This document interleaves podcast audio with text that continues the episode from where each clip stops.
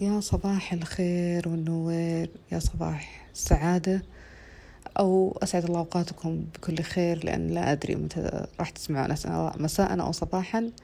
المهم أهلا وسهلا بكم مع بودكاست الآنسة غيمة واليوم في الحلقة الحادية عشر. راح يكون موضوعنا أنا أعطيتك. دائما عندنا كأشخاص وكمجتمع وكنظرة أه لما أعطي أبي مقابل. مو بالضرورة مقابل مادي.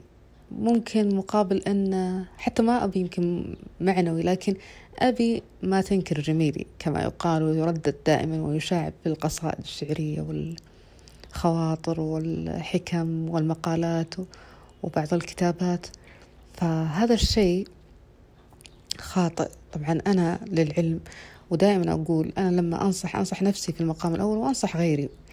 فكنت من هذول الشخصيات اللي أتمنى لما أعطي ألقى مقابل مو بالضرورة مادي ولا معنوي لكن أبي تقدير حتى لل اللي قاعدة أقدمه. لكن في الآونة الأخيرة أيقنت من خلال الآية القرآنية اللي تقول إن أحسنتم أحسنتم لأنفسكم. فالإحسان ولا العطاء اللي قدمه ترى أنا أقدمه لنفسي ما قاعدة أقدمه لغيري. فلا أرتجي من أحد أنه يحسن لي أو يرد هذا الجميل. لما أنتظر راح يكون الرد مو موجود للعلم. دائما الانتظار ما يعطينا اللي نتمناه فعلا. يكون ممكن مو نفسه أو مساوي له في المقدار ممكن يكون أقل فيكون فيه ضيقة أو فيه زعل. فلذلك لما يكون فيه عطاء اجعلي اللي قاعدة تسوينه هذا لنفسك. تأكدي أنت تعطين نفسك تتصدقين عن نفسك.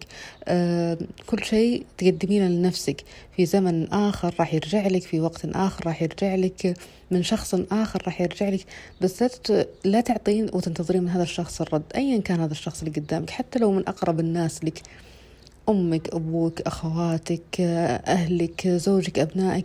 لا تتوقعين المقابل منهم. مو معناها ان لا يعني ما, راح نحسن لا نحسن لهم طبعا وأنا أحرص على هذا الشيء. لكن لو بيكون لانتظار مقابل راح تنتظرين واجد. يعني هذا للعلم. راح تنتظرين واجد.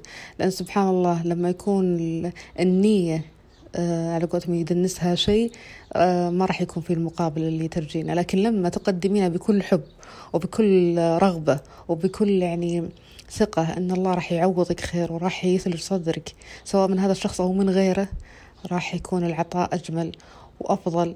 آه ربما يأتيك من شخص آخر ربما يأتيك آه بشكل آخر. فأعيد وأكرر اللي قاعدة أقدمه أو اللي قاعدة تقدم اللي قاعدين عفوا تقدمونه كله لأنفسنا. فما قيل ولا ينطق عن الهوى سبحانه ولا في شيء يعني يقال إلا في موضعه ونتأكد من هذا الأمر. ولما نقدم الشيء نحتسب الأجر من الله سبحانه وتعالى في المقام الأول ثم نعرف ونوقن أنه راح يرجع لنا سواء من هذا الشخص أو من غيره. سواء من هذا الشخص أو من غيره الحمد لله على كل حال. وإن لم يأتي من هذا الشخص خلاص نحتسب الأجر وما نقعد إنه من أو نذل ونقعد نعدد محاسننا وما أنجزنا في حياة هذا الشخص وما قدمناه. فعيب. عيب علينا يعني أصلا راح نمحق هذا الأجر أو هذا الفضل وكأننا ما سوينا شيء أصلا. يعني لا أمام الله سبحانه وتعالى ولا أمام الناس لأن لما تمنين شخص في أمر ما راح يندم على مساعدتك هذه له أو أنه إلتجأ لك يوم من الأيام أو حتى لو ما إلتجأ لك راح يحس أنك ما قدمتي شيء فعلا راح يمسح تاريخك وإن كان مشرف لأنك أنت اللي خربتي فاحتسبوا الأجر.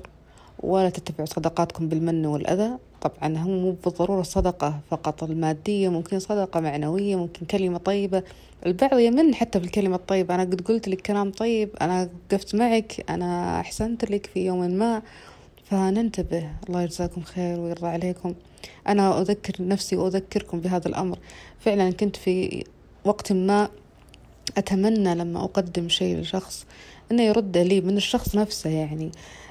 لكن حاليا ماني حريصة على هذا الموضوع ولا يجي في بالي ولا واحد بالمية. يعني حتى لما أقدم الشيء أبدا ما أحط في بالي راح تردها لي يوم من الأيام وأنا متأكدة. لا لا لا مو حتى سوء ظن أني أسيء الظن فيها لا ما راح تقدم لي. لا أبدا. أتركها لله سبحانه. إن جاء خير وبركة. ما جاء أيضا خير وبركة أبدا ما راح يضايقني الموضوع. ف هذا وصلى الله وسلم على نبينا محمد. ودمتم بخير. وفي أمان الله وألقاكم بإذن الله في حلقة قادمة. يا رب العالمين.